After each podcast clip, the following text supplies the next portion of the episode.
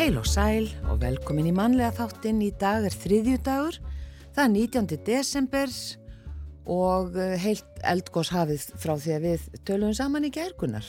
Já, þetta er bara ótrúlegt að fylgjast með þessu. Já, þetta var tilkomi mikil sjón í gerðkvöldi og uh, margir tóku ógulega fallegar myndir af þessu en auðvitað er þetta há alvarlegt mál Já. og uh, sem betur hefur nú eitthvað dreig úr kraftinum Já. en við fylgjumst með hverjum einasta fréttatíma. Já, það verður auðvitað fréttir hér eh, eftir þáttinn og, og svo eh, auka fréttatími í sjómvarpi og bara fréttastofan er með þetta. Já. En við ætlum að heyra af áhugaverðu verkefni í, í dag í manlega þættinum þar sem að hvernfélagskonur tóku sér til þegar uppkom að fjölskyldum sem hingað voru komnar frá Úkrænu vantaði mikið af nöðsynjavörum.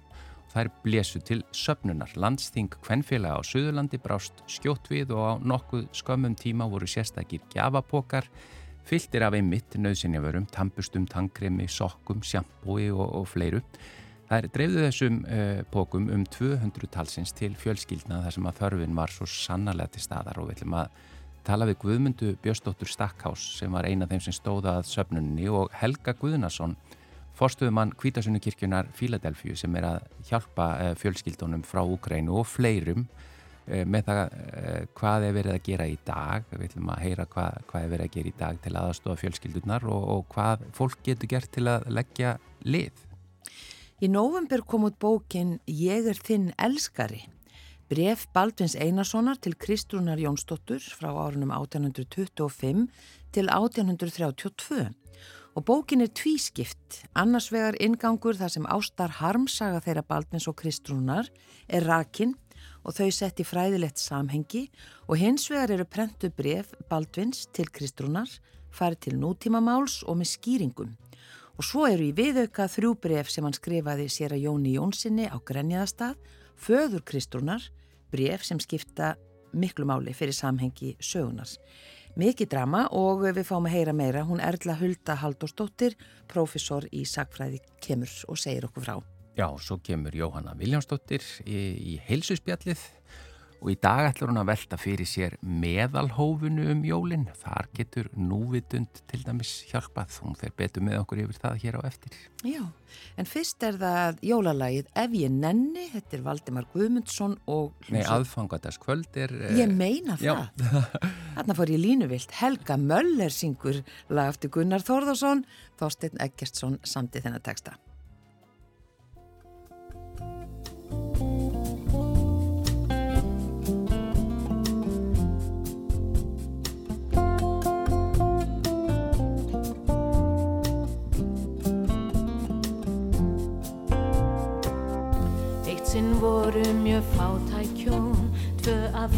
Ferðast dag og nótt Unst þau komu í litla borg en konan var með sótt. Það var skeppun borgin í, engin mátti vera því að hjálpa þeim sem þurftu. Og allstaðar var sama svar, snautið í bú Það var aðfangadaskvöld, fyrsta aðfangadaskvöld að jólaháttíðinni. Þetta aðfangadaskvöld, fyrsta aðfangadaskvöld er enn barnaháttíðin mest. La la la la, barnaháttíðin best.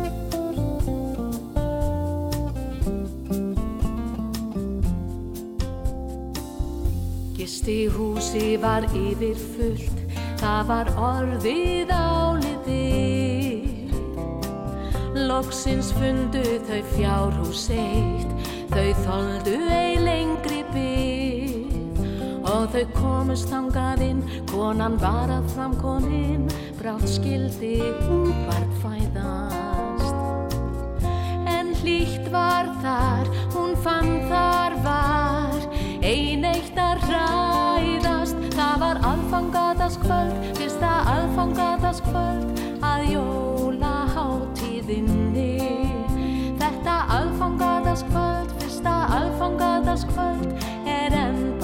hátíðin mest.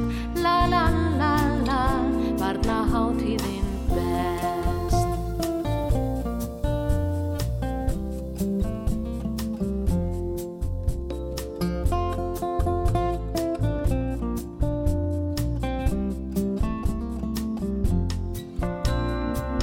Síðar fætti hún fagran són og í jötu lagði hann Allt varð undan eitt kringum þau, ný stjarn á himnum brann. Og smám sama myrkri fór, en þá byrtist engla kór sem knið kraupalt mingu. Og allstaðar svo heilbjart var, englarnir sungu. Það var himnesk engla fjöld, niðið aðfangaðas kvöld, í hátíð var upprunnin. Það var komin jólanótt, síðan er hver jólanótt, en þá barna hátíðin mest. La la la la, barna hátíðin best. Það var aðfangaðaskvöld, fyrsta aðfangaðaskvöld að jóla hátíðinni. Þetta aðfangaðaskvöld, fyrsta aðfangaðaskvöld er enn barna hátíðin mest. La la la la, barna hátíðin best.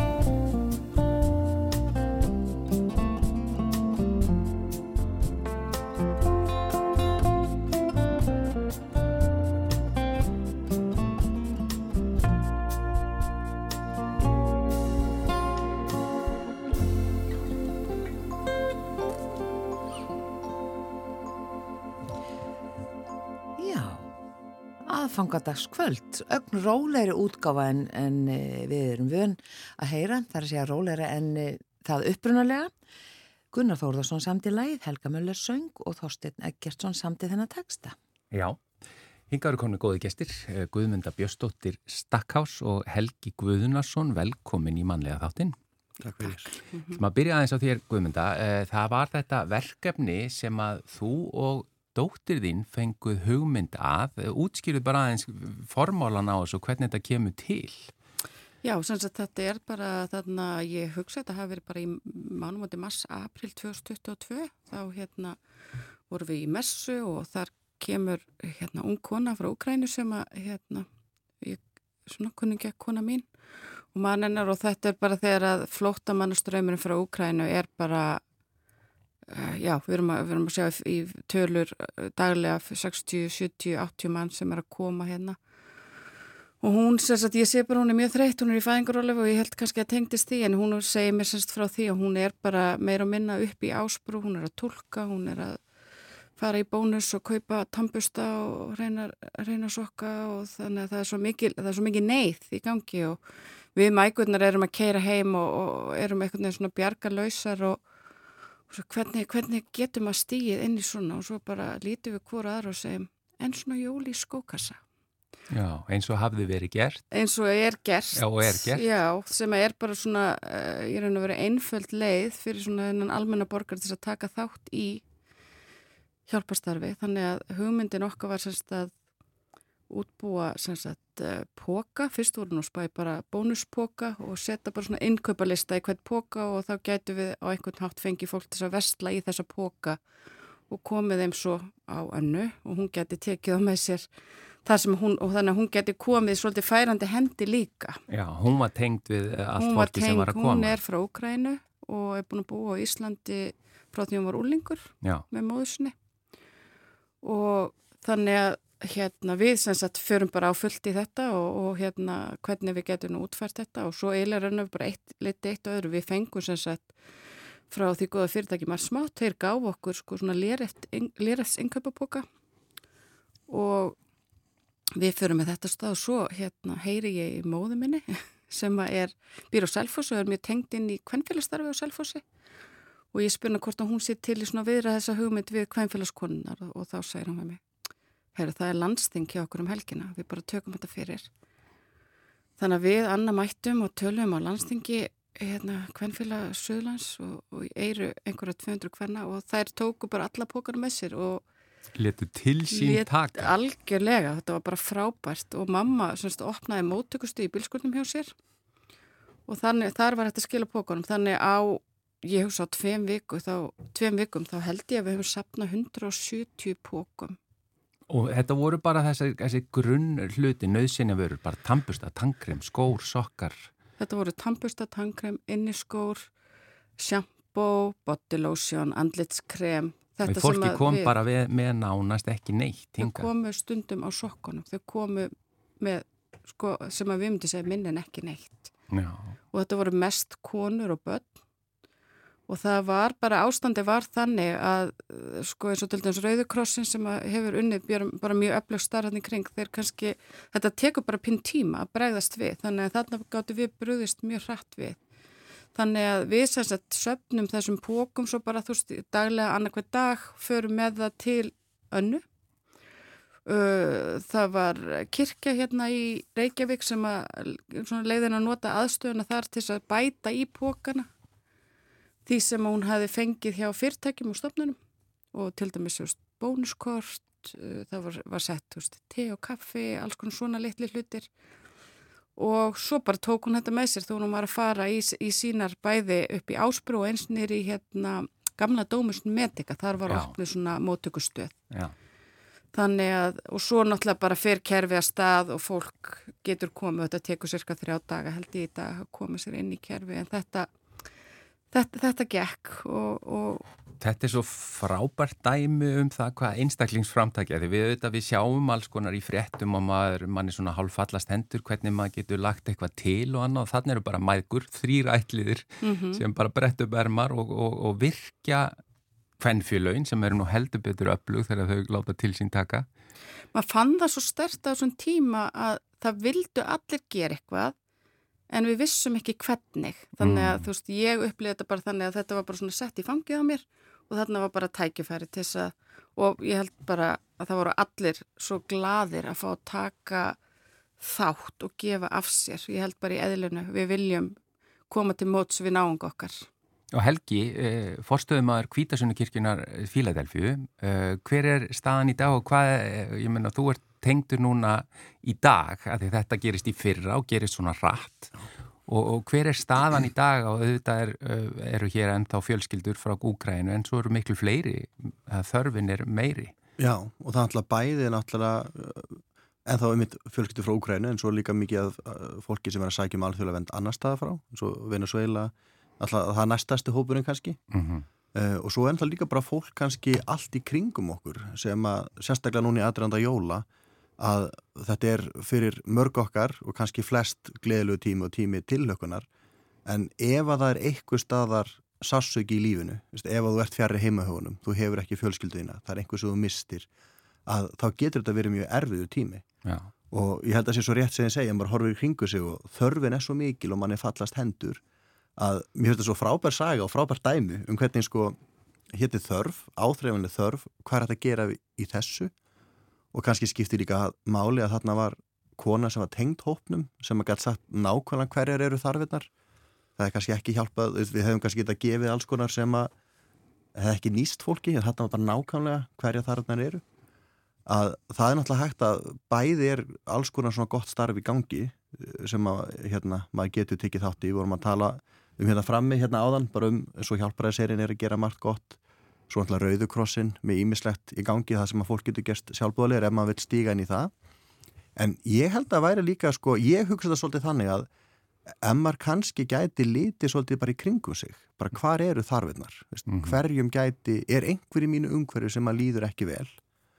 Og hvað get ég fært um og stundum er þörfin kannski fjárhagsleg, stundum er bara einhver sem er í fjárhagskrísu en stundum er kannski stærsta þörfin sko félagsleg Veist, ef að ég er fjærri heimahugunum en ég hef allt sko, eða ég sit bara einn á jólunum og ég hef allt sem ég vantar en ég er innmanna að það skiptir einhver máli hvað ég með í matin eða hvað ég á mikla peninga. Að, að það, það væri svo dásalegt ef einhver geti bara opnað fyrir mér heimilið sitt og lift mér að vera með.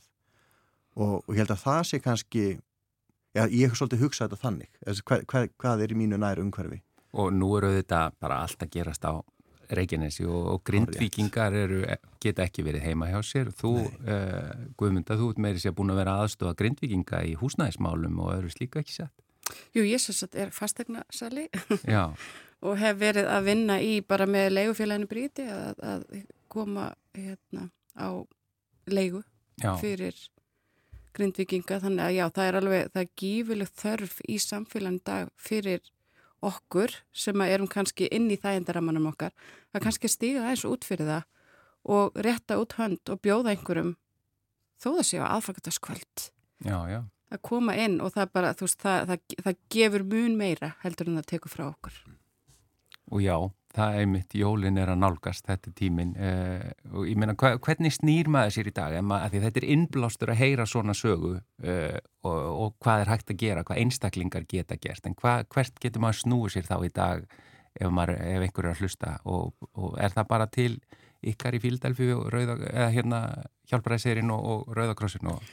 Já, maður hugsa, ég veit að samhjálp er að sapna núna ef þú vilt gefa máltíð á aðfangandag mm -hmm. þú vilt að tala við þau og, og einmitt hjálparæðserinn er með frábær starf og hérna, og nefnitt síndi mér hérna fram um Guðmynda bara á Facebook hjá þeim, þá eru þau með svona upplýsingar, þau eru að sapna fyrir jólagjöfum og, og þau eru með bara margt gott sem ætti að styrkja. Og þetta er náttúrulega bara starfið sem við þekkjum öll, menna mærastist nefnd ár eftir ár Já. stendur í fremstu výlinu og, og hjálpast að kirkjunar og fleiri góð samtök. Og, og það er náttúrulega, og, og það er eitt þáttur. En svo er líka svo gott og mér langar svona hvetja sérstaklega til þess að við séum kannski líka meðvitið um að, að hérna, þetta með að gefa tíma okkar Já, að þetta er fólk sem er ekki endilega með tengslanett hér Já. og að, að bara hitta þau og tala og, og bjóða þeim með mitt heim til sín eða eitthvað slíkt. Og, og jafnvel er fólk er í aðstuða sko bjóð upp á pláss, veist, kannski menn ef þú ert, ert á Grindavík og þú ert eitthvað starf íbúð sem er ekki þín og þú hefur ekki getur til að taka mótumörgum ef einhver væri með góðan sál sem hægt er að bjóða Grindavíkingum að sapna saman í um jólinn eða að bjóða upp á, eins og, eins og þú nefndir, það var hér kona að sapna einn pókar, hann vantar aðstöð til að geima það og það var eitthvað kirkja sem lánaði bara pláss. Og það breytir kannski mjög miklu. Já. þannig kannski stopnarnir og fyrirtæki og húsfélögu eða aðri sem eiga sali sko, að bara bjóða upp og leifa fólki að hýtast hjá sér. Mm -hmm. En ég held að það sem að Helgi er að segja þú veist, horfið kringu þig, hérna inn á rúf mm -hmm. er einhverju hér sem að vinna sem að myndi þykja það að, að fá að vera með og hluti af fjölskyldu komin á heimili borða heimatilbúna máltíð, þú veist, lítum nær. Við erum ekki alltaf að leita til samtakana heldur bara í okkur næri umhverfi. Já, það er víða sem einhver... kreppir að. Já. Já, ef við opnum augun. Já, algjörlega. Og, og, svo, ekki, og svo gott ef að fólk, og maður gæti þess að sko varvita líka sko reist fólks að fólk upplifu ekki einhverja ölmusu. Og ég var að hugsa, ég var að hugsa svolítið um þetta ég vissi að það eru komingað, mm. það eru margir sem fá sko gafabref eða svona innegnabref frá vinnunni sinni í ólagjöf og ég apil bara bankakort með innegn ef þú veist til dæmis bara um eitthvað einstækt foreldri sem er með börn Mm -hmm. Þú getur sagt, heyrðu, ég hef ekki nót fyrir það. Ég var bara að hugsa um börnin, getur þetta ekki nýst ykkur um jólinn að þá ertu ekki að koma að segja að þú ert grei, ég er mikilmenni og ég þykja, viltu þykja þessa? Það meira bara svona, heyrðu, við erum hérna saman. Má ég ekki bara mér, mér vantar þetta ekki, gætið þú mm. nota þetta? Já, mm -hmm. það nýtist betur kannski annars það Já, og þetta er svona leið til að gefa á þess að ræna fólk reysninni En Guðmynda Björnstóttir Stakkás og Helgi Guðnarsson þakk ykkur innlega fyrir, þetta er vonandi inblástur uh, fyrir fólk að, sem að vill láta eitthvað uh, að segja, leggja eitthvað til. Það, það er alltaf hægt. Takk innlega fyrir komin í manlega þáttin Takk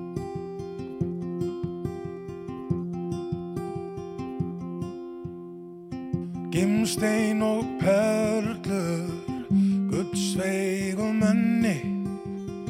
Sendi ég henni Ástinni minni. Öll heimsins undur Ef ég þá nenni Færi ég henni Ástinni minni. Lífsvartir dýr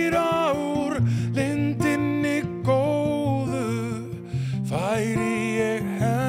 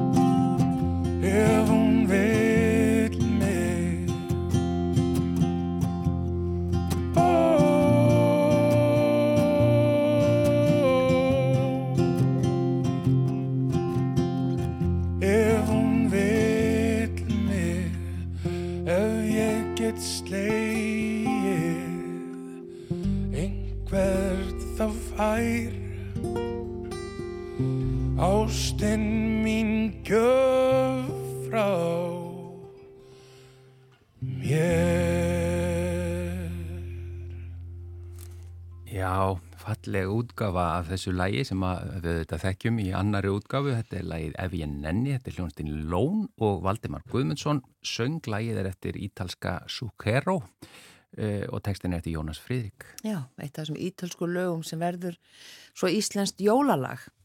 E, í november kom út bókin Ég er þinn elskari, bref Baldvins Einarssonar til Kristrúnar Jónsdóttur 1825 til 1832 og þessi bók er tvískipt, annars vegar ingangur þar sem ástar harmsaga þeirra Baldvins og Kristrúnar er rakin og þau setti fræðilegt samhengi og hins vegar eru prentu bref Baldvins til Kristrúnar, færi til nútímamáls og með skýringum.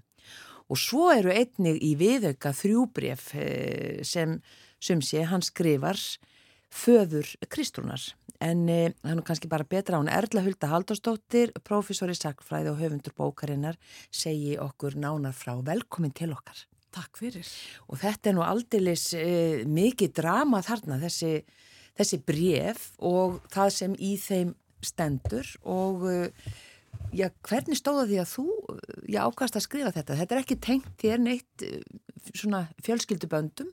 Nei, það Ekkert er, í þinni fjölskyldu? nei, það er engin, engin tenging uh, við þau, annur en, en bara ég rakst á, eða í öllu heldur, ég má segja, kynntist þessari sögu fyrir um það byrj 30 árum þegar ég var að vinna mistarprófsrítgerð í sakfræði og þá var það uh, kona sem ég heitlaðist af, ég var að lesa sendibri á kvenna, skrifum konur á 19. öld og uh, kona sem heitir Jakobína Jónsdóttir varð síðar eiginkona Gríms Tomsen og að hún varð, uh, fluttist á heimili bróður síns og hólmum í reyðafyrði og var ung stúlka þar og þurfti að sinna heimilistörfunum. Þetta var svona upp úr 1850 og hún var ekkert mjög hrifin á þessum heimilistörfum og hún þurfti að, þurfti að sinna þeim af því húsmáðurinn var svo veik, lág mikið í rúminu og það var Kristrún Jónsdóttir. Þannig að þá uh, svona læriði að þekka þessa sögu að hún hafði orðið fyrir miklum harmi og, og svona góðsagan eða sagan innan gæsalappa segir að, að hún hafi í rauninni veikst af harminum af því að hann sveik hana í tryggðum kærastinn Baldvin Einarsson sem við þekkjum örg úr Íslandsögunni Uh, hann var uh, svona eina vonastjörnum Íslands ungu strákurum í Kaupmannahöfnum 1830, svo deyr hann harmsugulega og, og þá er ortum hann það sem við flest þekkjum. Ísalands óhamingju verður alltaf opni. Æja. þannig að það er um Baldvin. Þannig að, að þessi saga hún er kannski kemur til mín á, á þennan hátt. Síðan gerðum við útvarsþátt ég og, og Erna Sverrisdóttir bókmyndafræðingur, það var líklega 2002 gerðum við þrjá þættir sem héttu í festum og var ymmit svona óða skemmtilegt drama um uh, íslenskar prestætur sem sátu eftir í festum þegar strákarnir, kærastatnir fóru til Kaupmannahafnar og eitt festaparið voru Baldvin og Kristrún. Og þá lásum við brefin og, og svona vorum að vinna með þau og mér langaði okkur svo suma að gera meira svo bara leið tímin og eins og alltaf gerist en núna loksins er ég búin að skrifa yngang um þessa sögu og, og gefa brefin út og færa þau til nútíma máls þannig að við getum lesið þau eða svona allir áhuga samir fræðmenn hafa gaman af því að lesa bref með þessu gamla máli þar sem ég sé fyrir ká og í fyrir jóð en maður er lengur af því Já. og þannig að, að ég færi þau til nútíma stafsetningar þannig að við getum öll notið mm. og, og skrifa skýringar svona því leiti sem ég tel að þurfi skýra orð og kannski eitthvað samengi hvað fólk kemur við sögu. Já. Og ég er elskari, þetta er eitthvað sem hann hefur skrifað til hennar. Já, hann, Já. þetta er líklega í svona tveimu, þreimu brefum sem hann skrifar undir ég er þinn elskari. Já. Og sem er ótrúlega skemmtilegt orð tala, og hann kallaði sér líka fiskara svo ég komið í að það því að það var allt vittlust út af fiskaranum var ekki bara fyrir á þessu ári. Svona með sjómenn já, það var notað þarna. Já, já, hann notar það, hann var formadur og hákalla skipi föðu sín sem tvítugt þannig að, að hann var svona fiskari. Já, og hún er preststóttir, hún Kristrún, hún er, hún er dóttir sér Jóns Jónssonar á Grenjaðastað. Og já, hann er þessi vonastjarnar Baldvin, fer til Kaupmannahafnar. E, þannig að ástæra er e, sterk og heit áður en hann fer af landibrótt og hvað, hvað gerist svo í Kaupmannahafn?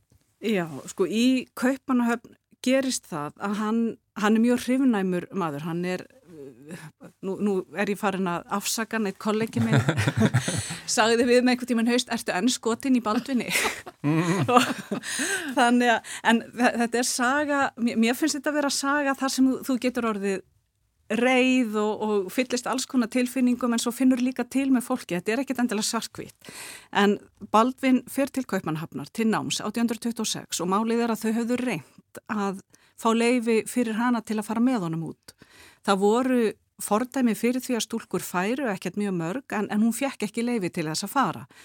Og þau báðu vini að reyna að retta henni plássi og, og nei, nei, nei, nei það, bara, það, það gekk ekki upp.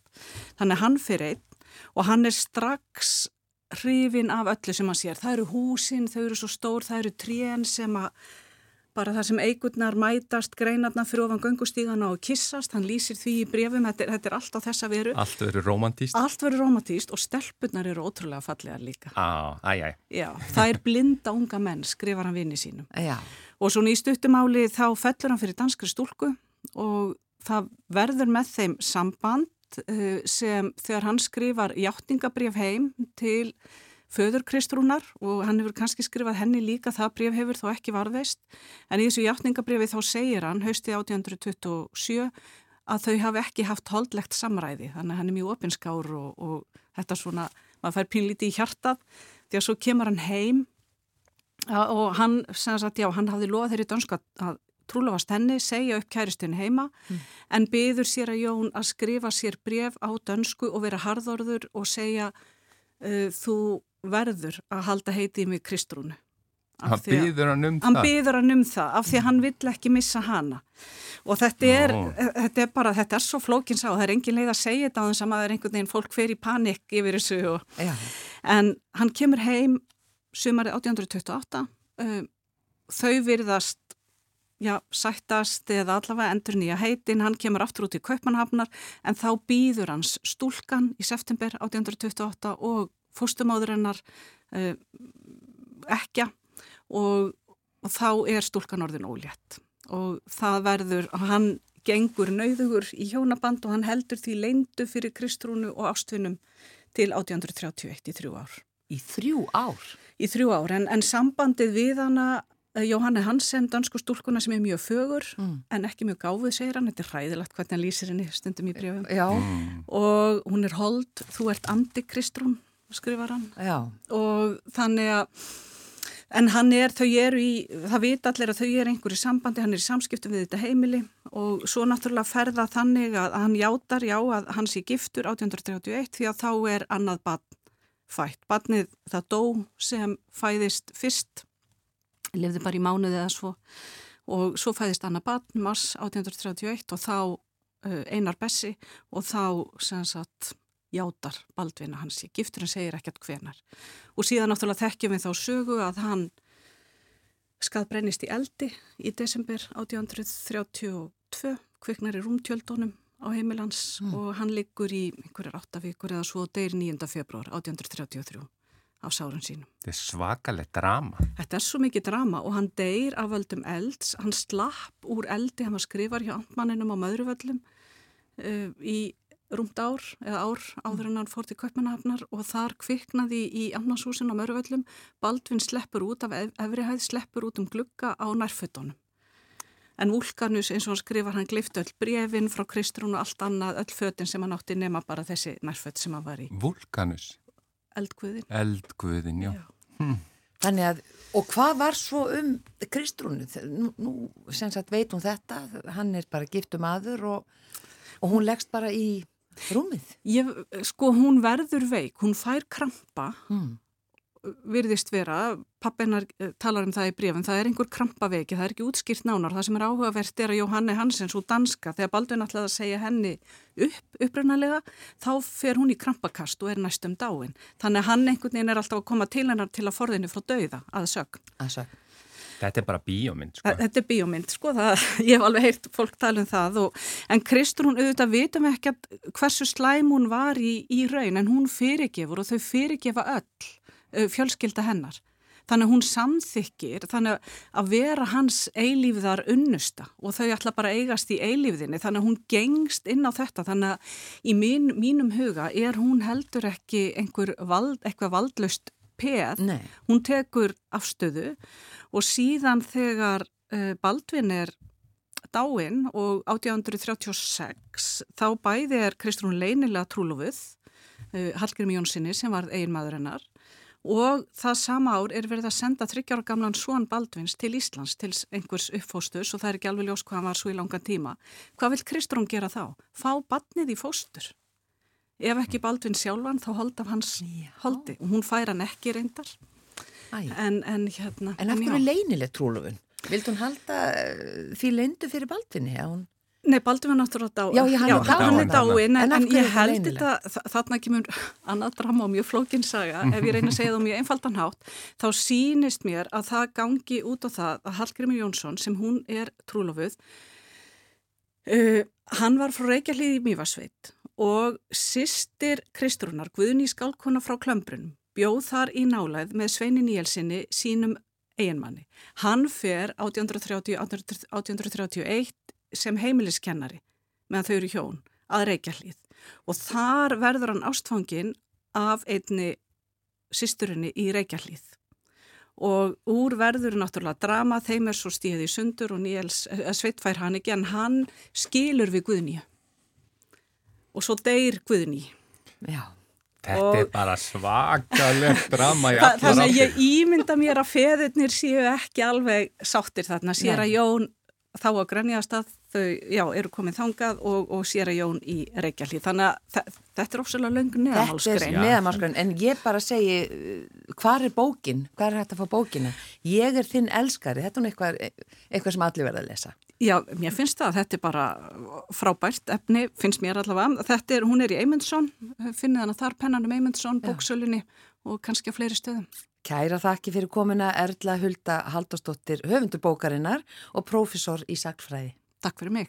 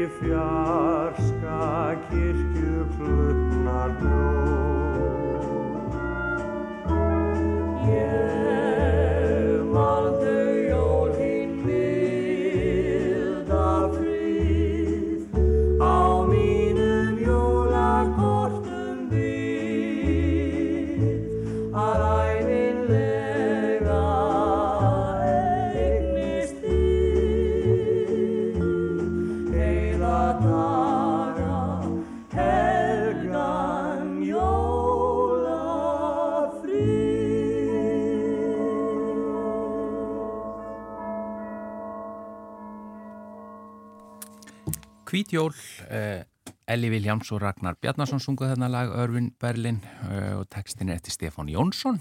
Já, einmitt. Og uh, Jóhanna Viljámsdóttir komin í heilsuspjallið, velkomin. Sæl Og og blessi í gaman vín- að vera með ykkur. Velkomin í vinnröðri svona jólalegri peysu. Já, svona eiginlega bara svona daldi dökk rauð, svona ekki alveg út í vínrauð. Já, svona ekta jólapeysa. Ekta jólalitur. Elska þetta, veist, ég er búin að eiga henni í 20 ár og hún er ekkert njögruð. Já, Veist ekki ótrúlegt? það finnst mér mjög Já, ótrúlega. en talandi um hvít jól, það lítur út fyrir að verði hvít jól eða hvað. Já, já, ég held það. Já. Já, Alveg pastlega og svona eins og einhver hafi siktað yfir bara er smá, það ekki, smá dásamlegt. flóssikri. Ég var að keira yfir heiðin áðan og það er allt svo hvítt, þetta er eins og svona hvítt tepp yfir öllu, svo fallin. Ennum við nokkuð að tala um heilsu núna? Nei, það er að koma jól. Já, við tölum kannski meir um heilsuna í janúar. Já, þetta er ekki alveg tíminn til að vera með einhverja predikanir einmitt um eitthvað, hvernig maður á að gera hlutina því að þetta er svona tímið þar sem við erum bara að njóta Já, og, og hérna, og kannski mér langar samt kannski aðeins að ræða það, þú veist, einmitt þetta að njóta. Mhm. og, og, og þú veist, að vera þessi vakandi aðtekli og virkilega njóta þegar við erum að borða matinn okkar. Og það er kannski eina sem að mér finnst svona áhugavert svona að að, um, að minna á og, og svona hugleiða yfir jólin. Að því að þú veist, auðvitað jólan við erum öll með okkar hefðir, þú veist, við erum ekki verið að herði ekki borða þetta, borðaði þetta. Þú veist, þetta er bara einhvern veginn svona tími sem að þú veist, við viljum vera í þessari, þessari hérna, svona, þessari indislegu upplifun og leifa okkur að njóta. En, en það er heldur ekkit gaman að njóta ef maður er að tróða ómiklu í sig og gera alls konar hluti þannig að mann líður bara illa. Og, og það skiptir til dæmis, þú veist, bara eitt sem skiptir óbærslega miklu máli bara í heilsu sem er kannski minna að tala um að það er hvernig við borðum. Og það er svo eitthvað, sannlega eitthvað sem við getum aðeins hugsað um núnum jólin. Uh, það er að borða sest, og næra okkur í vakandi aðtegli og að svona, þú veist, það er til dæmis búið að eigða miklum tíma í allar þessar kræsingar, allt sem við erum að láta ofan í okkur og, og stundum vill að vera þannig að, að það kannski búið eigða klukkutímanum í eldusinu og elda með kærleika og öllu því sem er. En síðan er bara borðað á kortur já, það er bara verið að skópla í sig. Já, það er bara að vera að skópla í sig. Já. og í öllu þessu varandi bara heilsu, ekki bara þingdarstjórninu eða ekkur, heldur bara líka hvernig okkur líður allt það. Að þá skiptir þetta alveg rosalega miklu máli, ég heldur við séum öll og ég er alveg líka seg með það að, að, að bara ofta tíma borða allt og hratt.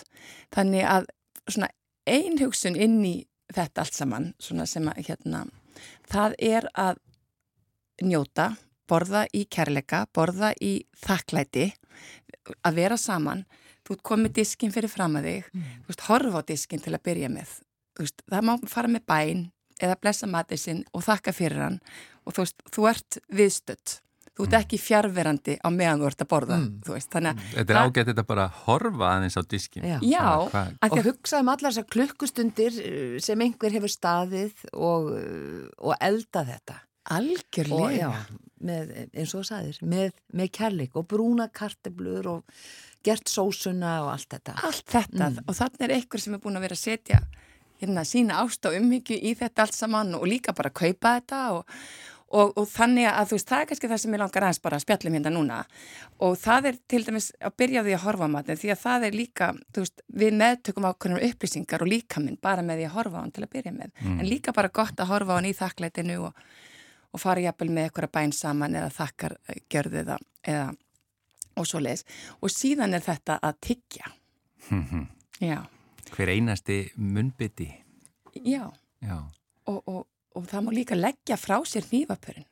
Á milli? Já, af því að það eru margir sem halda bara nývapurinn um allan þetta tíman. er svo satt, þetta, þetta er góð Jóhanna. og leggja, og það- leggja bara frá sér og, Og svo bara njóta. horfa og njóta og, og þú veist, horfa framann í fólk og spjalla og ekki bara þú veist á diskin og svo bara svo er bara ekkit gert annað en bara að- að Skóflað í í sig Þetta verður eins og úlfahjört sem enginn talar og Allir Algjörlega. tala hratt og borðar, nei hérna allir borðar svo hratt. Já, Já. og þannig að þetta er svo gott að minna sá þetta reglulega og sérstaklega bara á þessum árstíma af því að þetta er parturinn að því að njóta líka og, og, og, og þannig að sko margir borða alltaf mikið þannig að þeim líður bara illa eftir að þeir eru búin að borða. Og það er svo umurlegt að vera búin að borða svona æðislan mat og við erum svo bara að drepast í maganum búin að borða alltaf mikið og þurfum að neppa frá og, og hérna þannig að að tyggja. Og það er bara að því að meldingin byrjar þar.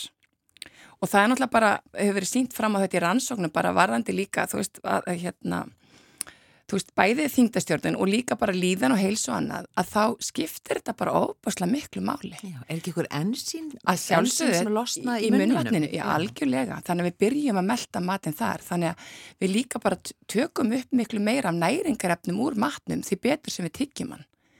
Þannig að byrja bara á einum bita, og veist, finna fyrir honum veist, og, og, og virkilega að leifa okkur að njóta þessa dásamlega matar eins og við vorum að segja, þú veist, að mikið búið að hafa fyrir honum, oft er þetta dýrmatur og auðvitað hefur gert alla daga en þetta er sérstaklega, myndi ég segja þarna að því að svo er þetta svo mikil matarháttíð og fólk er að borða svo óbáslega mikið alla þessa daga.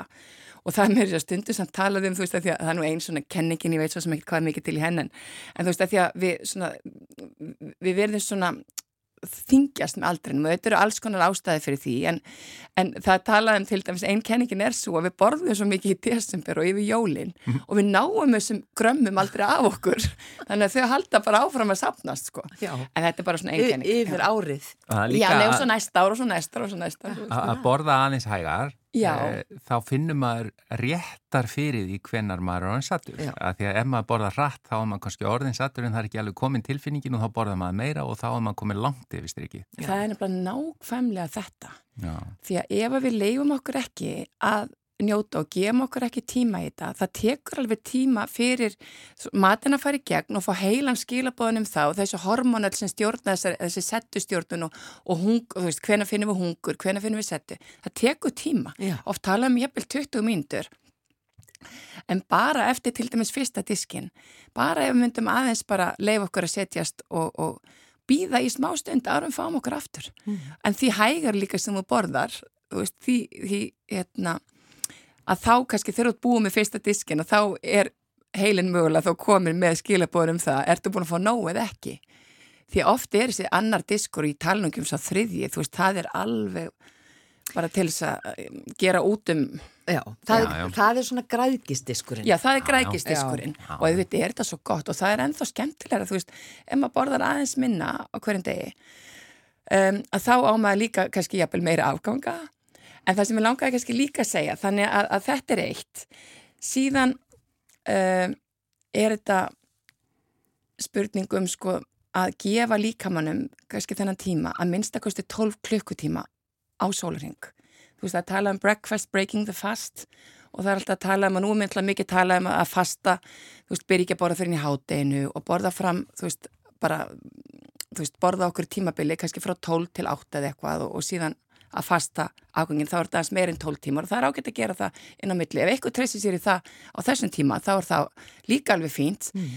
Göngutúrar eru alveg rosalega góðir, þú veist, ekkert endilega svaka reyfing, bara það að fara í göngutúr eftir mat eh, gerir ofbáslega mikið fyrir nýtinguna og hvernig maturinn er síðan að hafa áhrif á blóðsikur og annað. Og síðan er þetta líka bara með, þú veist, að byrja ekki á sikrinum, þú veist, áður en maður fær sér eitthvað annað. Fínt að byrja hvern morgun á vatni, sítrunum vatni, te, svona og og velta hans fyrir sér, þú veist, ok, er, er þessi tóltíma linir, það er bara almennt talað um hérna, það er ofbáslega gott fyrir líkamann og mikilvægt að fá þessa pásu hvert sólarhing, þannig að það er kannski eitthvað sem við getum hugsað um.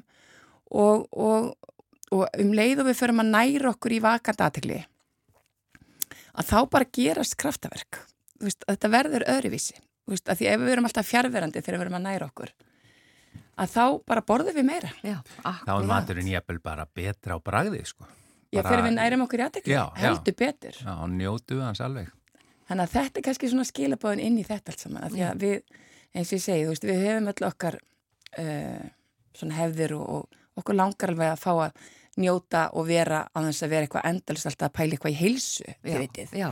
og svo er þetta, þetta bara með magnið eh, hérna, einhver sagði að í rauninni getur maður sko borða hvað sem er þetta er alltaf bara spurningin um magnið Já, þú veist, þetta er auðvitað bara spurningum þess að hófsemt Mm. í einu og öllu og það er alveg rétt. Auðvitað, ef, ef að við, við erum alltaf að borða allt og mikið. Það er auðvitað, þú veist, þvílik ofgnótt sem að flestir, eða, já, Já. búa í Við. og við. Mm. Þannig að, að, já, og ég meina, og ég raunverulega, ég leifi mér allt um jólinn, sko.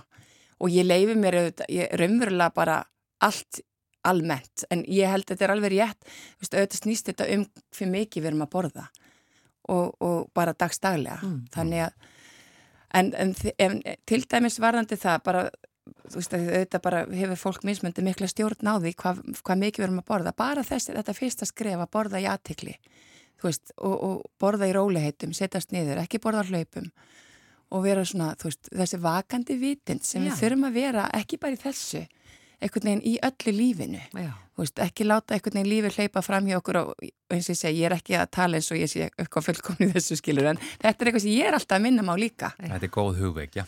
Já, Algjörlega. að, að, hérna, þannig að gott innlegg inn í jólin. Er það ekki bara núvitund bara í, bara í öllu. Já, mat og og í því sem við erum að gera og því sem við erum að já, njóta og, og, vera, og njóta úst, setja kærleikin í það sem við erum að gera hvort sem við erum samskiptaði í matin okkar lifi þakklæti. Mm. þessi tími er líka uh, einmitt mjög góð tími til þess að, að, að, að svona vera því sér vitund um sko þakklætið. Já. að Já. þakka fyrir það sem við erum að fá þakka fyrir fjölskyldun okkar, vinin okkar matin okkar, allt sem við erum með. Fókus á þetta jákvæð sem við hefum í lífinu.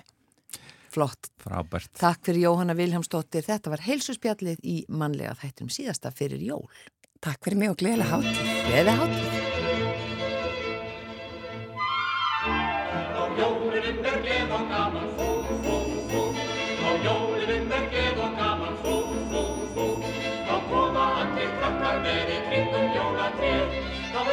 gleð og gaman, allir hlæja og syngja saman, fú, fú, fú.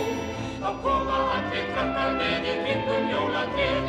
Þá ríkir gleð og gaman, allir hlæja og syngja saman, fú, fú, fú. Og jólasveinn er sekk á baki, fú, fú, fú. Og jólasveinn er sekk á baki, fú, fú, fú. Hann gægist inn um gættina á góðu krakkana. Þá ríkir gleð og gaman, allir hlæja og syngja saman, fú, fú, fú. Hann gægist inn um gættina á góðu krakkana. Þá ríkir gleð og gaman, allir hlæja og syngja saman, fú, fú, fú. Á jólunum er gleð og gaman, fú, fú, fú. Á jólunum er gleð og gaman, fú, fú, fú. Klingja allar klukkur við og kalla á gleð og frið. Þá ríkir gleð og gaman, allir hlæja og syngja saman, fú, fú, fú. Þá klingja allar klukkur við og kalla á gleð og frið. Þá ríkir gleð og gaman, allir hlæja og syngja saman, fú, fú, fú.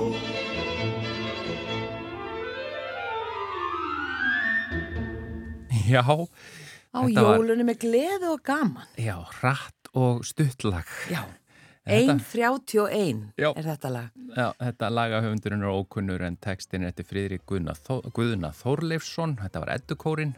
Og við eh, þökkum bara fyrir samfélgina í dag. Verðum hér aftur á saman tíma á morgun. Verðið sæl.